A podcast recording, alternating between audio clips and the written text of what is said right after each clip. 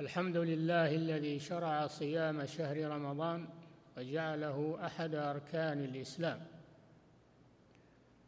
أحمده على جزيل الفضل والإنعام وأشهد أن لا إله إلا الله وحده لا شريك له الملك القدوس السلام وأشهد أن محمدا عبده ورسوله أفضل من صلى وصام. صلى الله عليه وعلى آله وأصحابه البررة الكرام وسلم تسليما كثيرا. أما بعد أيها الناس اتقوا الله تعالى واشكروه على نعمة الإسلام.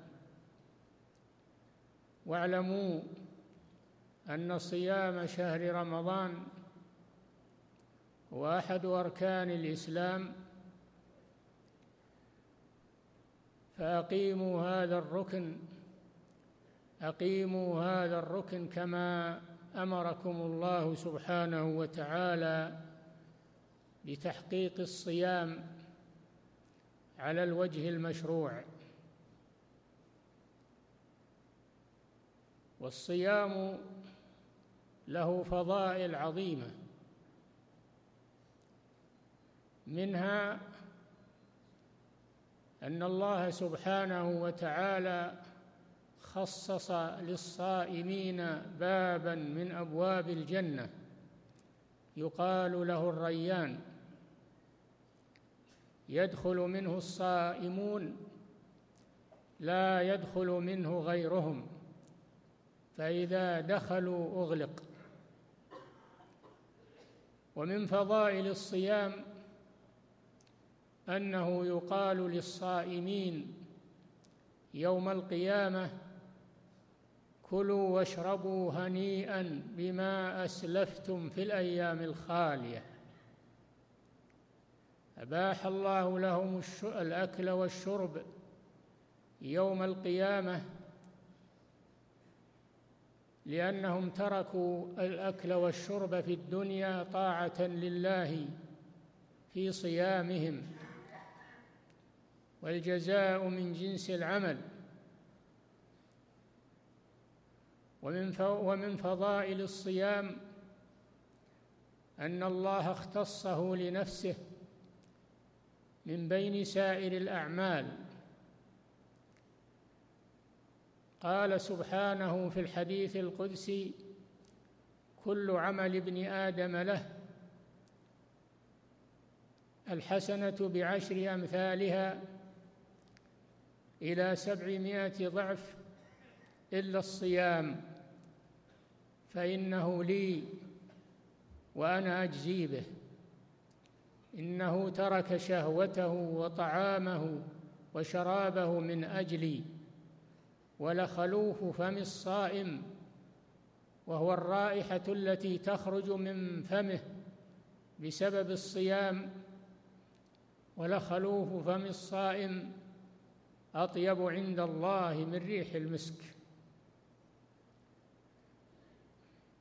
وقد تكلم العلماء في شرح هذا الحديث وأطالوا عليه بما حاصله أن الله جل وعلا اختص الصيام لنفسه من بين سائر أعمال العبد لأن الإخلاص في الصيام أكثر من الإخلاص في غيره من الأعمال. فالأعمال غير الصيام قد يدخلها الرياء والسمعة وأما الصيام فإنه لا يدخله رياء.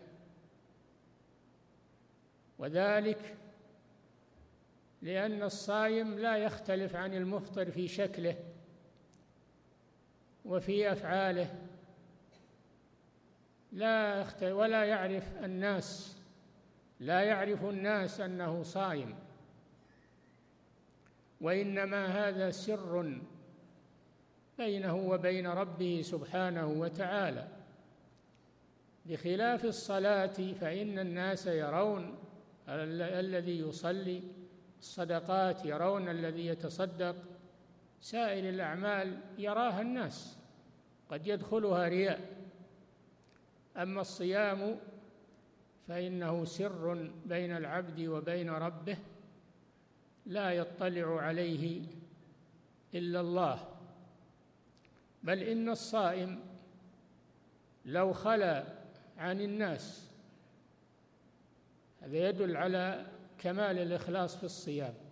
لو خلا عن الناس وعنده الطعام والشراب وهو جائع وعطشان لم يسمح لنفسه أن تتناول الطعام والشراب لأنه يعلم اطلاع الله عليه فيكف عن ذلك من أجل الله. ترك شهوته أي زوجته وطعامه وشرابه من اجلي أي من أجل الله. وقيل إن استثناء الصيام من بين سائر الأعمال أن الأعمال يدخلها القصاص يوم القيامة للمظلومين. فقد ياتي الانسان باعمال صالحه كثيره ولكن يكون عنده مظالم للعباد في اموالهم ودمائهم واعراضهم يكون اعتدى عليهم فيؤخذ لهم من اعماله يوم القيامة. حتى ربما لا يبقى له شيء من أعماله الكثيرة بسبب كثرة مظالمه. أما الصيام فإن الله جل وعلا يحفظه لصاحبه فلا يتمكن الغرماء من أخذه. فيكون وجه الاستثناء من هذه الناحية. أنه يدخر للصائم عند الله ولا ياخذه المظلومون يوم القيامه. فهذا فضل عظيم للصيام ولذلك شرعه الله على عباده من قديم الدهر. قال تعالى يا أيها الذين آمنوا كتب عليكم الصيام كما كتب على الذين من قبلكم. ومن فضائل الصيام أنه يربي الإنسان على البر والتقوى ولهذا قال لعلكم تتقون. فالصيام يربي الإنسان على البر والتقوى والطاعة ويكفه عن المعاصي والآثام فهذا من أعظم فوائد الصيام. ثم اعلموا يا عباد الله أن هناك مفطرات ومبطلات للصيام قد بينها الله ورسوله.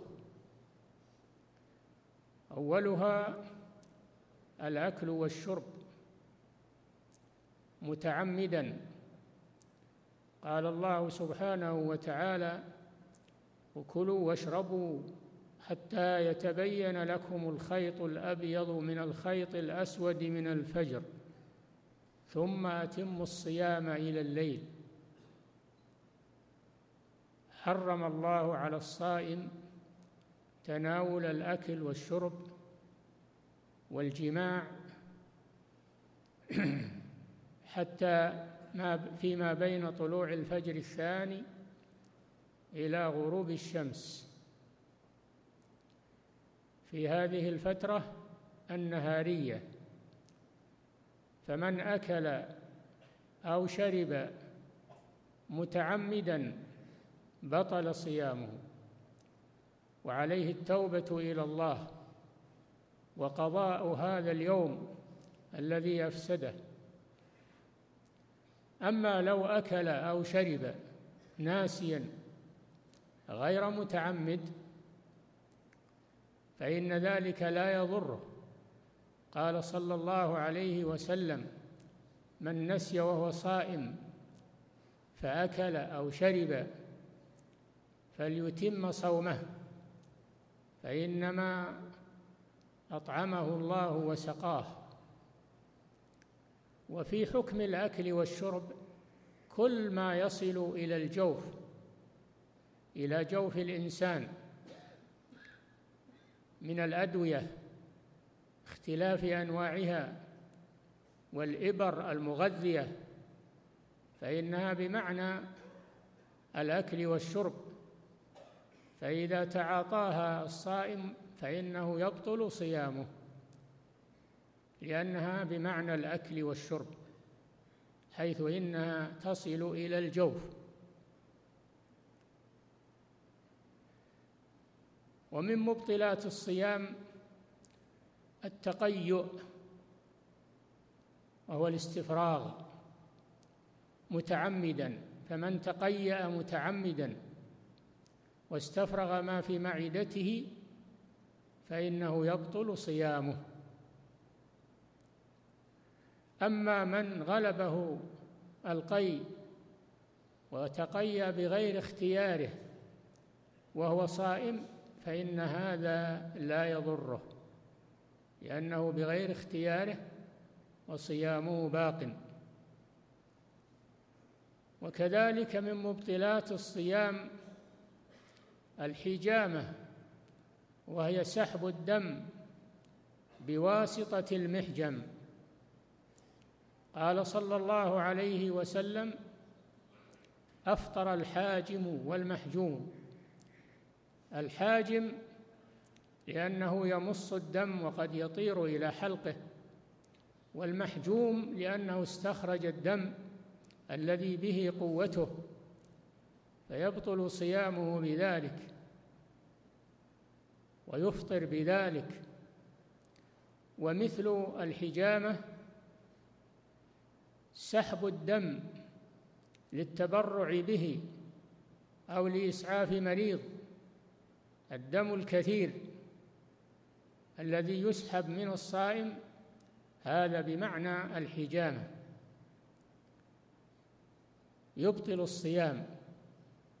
أما سحب الدم اليسير كالعينة التي تؤخذ للتحليل وهي يسيرة فهذه لا تؤثر على الصيام.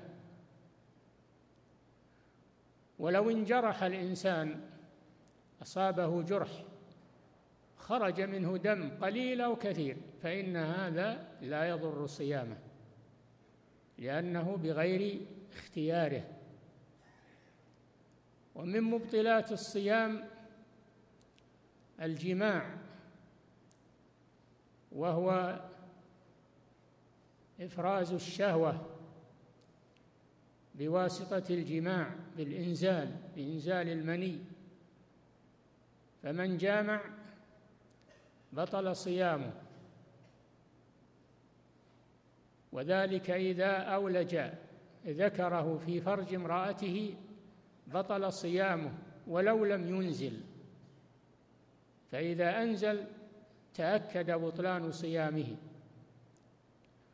وكذلك لو أنه استفرغ المني بواسطة العادة السرية فإذا مارس العادة السرية وأنزل فإنه يبطل صيامه وعليه القضاء.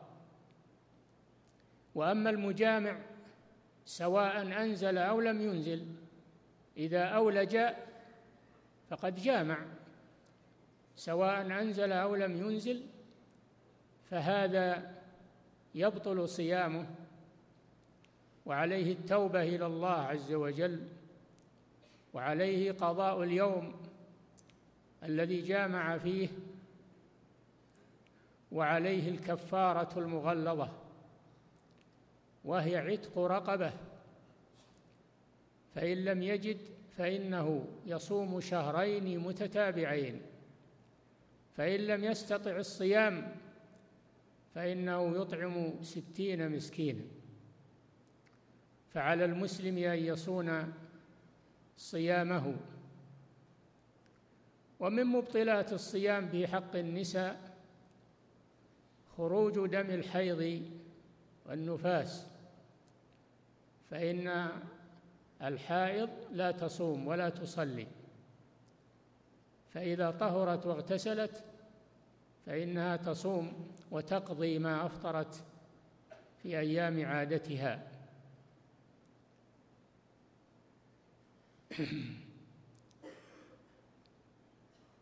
فالمسلم يتجنب هذه الأشياء التي يأتيها باختياره وإرادته هناك شيء يجب التنبيه عليه وهو مسألة مباشرة الزوجة من غير جماع مباشرتها من خارج باللمس والقبلة. فهذا إن كان شابا يخشى عليه من ثوران الشهوة فإنه يجب عليه ترك ذلك تجنبه والابتعاد عنه. وكم حصل بسبب ذلك من وقائع يباشرون ويقبلون ثم يجامعون لأن الإنسان بشر تغلب عليه شهوته فالشاب والقوي الذي يخشى أن لا يملك نفسه يبتعد عن المباشرة. فاتقوا الله عباد الله واحفظوا صيامكم عما يبطله أو ينقصه أو ينقصه من الغيبة والنميمة وقول الزور والشتم وغير ذلك.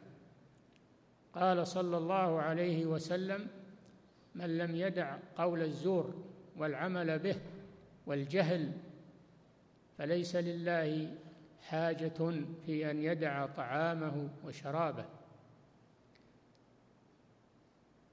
قد يهون على الإنسان ترك الشهوات من الأكل والشرب والجماع لكن بعض الناس أو كثير منهم لا يهون عليه ترك الغيبة والنميمة وترك الكلام البذي وقد قال صلى الله عليه وسلم لا يكن يوم صوم أحدكم ويوم فطره سواء فإن سابه أحد أو شاتمه فليقل إني صائم إني صائم. فيمسك عن الرد عليه بسبب الصيام فعلى المسلم أن يحافظ على صيامه. لئلا يكون تعبا بلا فائدة. أعوذ بالله من الشيطان الرجيم. شهر رمضان الذي أنزل فيه القرآن هدى للناس وبينات من الهدى والفرقان. من شهد منكم الشهر فليصمه ومن كان مريضا أو على سفر فعدة من أيام أخر. يريد الله بكم اليسر ولا يريد بكم العسر. ولتكملوا العدة ولتكبروا الله على ما هداكم ولعلكم تشكرون. بارك الله لي ولكم في القرآن العظيم ونفعنا بما فيه من البيان والذكر الحكيم. أقول قولي هذا وأستغفر الله لي ولكم ولجميع المسلمين من كل ذنب. أستغفروه إنه هو الغفور الرحيم.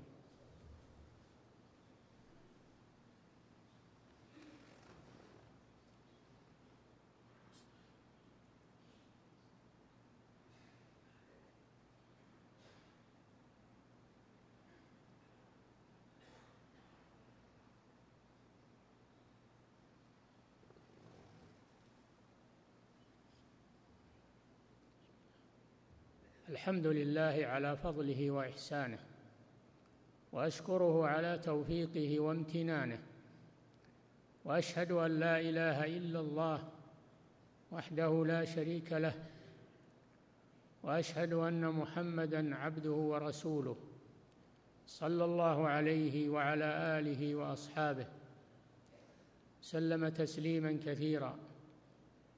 أما بعد أيها الناس اتقوا الله واغتنموا هذا الشهر واكثروا فيه من الأعمال الصالحة فإن صيامه فريضة وقيام ليله تطوع فهو شهر الصيام والقيام. فقوموا